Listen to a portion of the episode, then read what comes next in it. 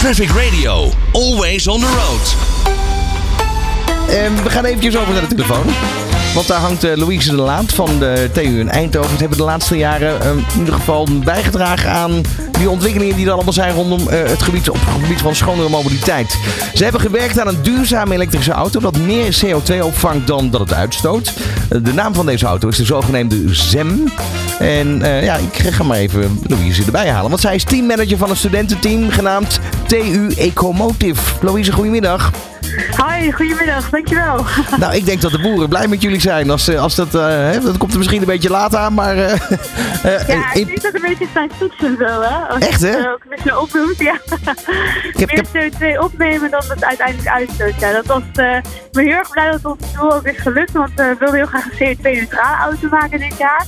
En ja, nu de reacties ook in de media heb gezien, zijn ze echt allemaal ja, enthousiast en zijn ze benieuwd hoe het verder loopt. En eh, daarbij, ik, ik kan me nog goed herinneren dat een van de eerste elektrische auto's op de markt gebracht werden. Althans, werden gepresenteerd. Het zag er niet uit. Maar dit heeft ook nog wel een, een sexy uitstraling, deze auto, als ik het zo zie. Ja, ja, ja, daar hebben we ook heel hard op aan gewerkt. Omdat wij, we hebben al wat auto's eh, gemaakt in de Telecomodus. En dan sta je op een heel gaaf event. En eh, het eerste waar mensen naar kijken is toch hoe de auto eruit ziet. En niet zozeer het verhaal om die auto heen. Ja, toch hè? Dat Ja. eh, ja, dit jaar gewoon voor echt een sportieve uitstraling hebben gekozen.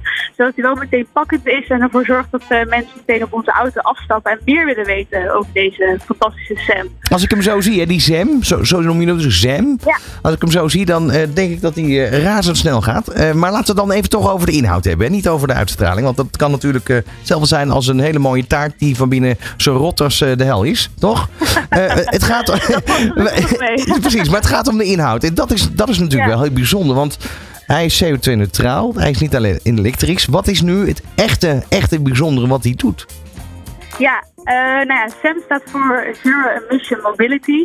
En dat is eigenlijk doelstelling die wij dit jaar binnen Telecomodus proberen te ha- behalen. We willen de uitstoot van de bouw van de auto zo veel mogelijk verlagen. En eigenlijk ook kijken naar die eh, levensfase van die auto. Dus je hebt de bouw van de auto, het bereiden van de auto en het afbreken van de auto. En die eh, drie fases die willen wij CO2-neutraal maken.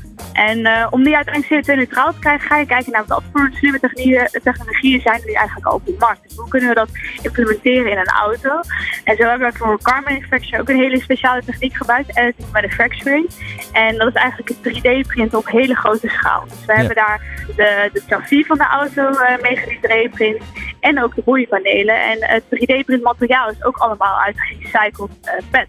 Eh, dus eh, de PET-flesjes ook gemaakt. Ja. En ja, zo hebben we dus de, auto gebouwd eigenlijk. En dan ga je naar de volgende fase. Dat is de, de bereiding van de auto. En daar hebben we bidirectional charging mee geïmplementeerd. Dat houdt eigenlijk in dat je de auto ook als een soort van externe batterij aan een gebouw kan zien. Dus hij kan ook je vaatwasser of je koelkast, eh, wanneer je hem aan je huis eh, koppelt, eh, van energie voorzien. Heb je die, techniek? Ja. mag ik toch even een vraag stellen daarover? Heb je die techniek ook een beetje afgekeken van wat mobiele telefoons inmiddels kunnen? Want mijn telefoon, die is nu Ja, net een maand ja. of twee oud, die, die kan dus ervoor zorgen, ik kan andere telefoons opladen gewoon. Ja, zeker. Ja, inderdaad. We hebben ook gekeken naar van goh, kan het verder geïntegreerd worden in de auto. Dus eh bidirectional charging met dus de zonnepanelen die op de auto eh, zitten, die zorgt eigenlijk voor dat de energie circulair is.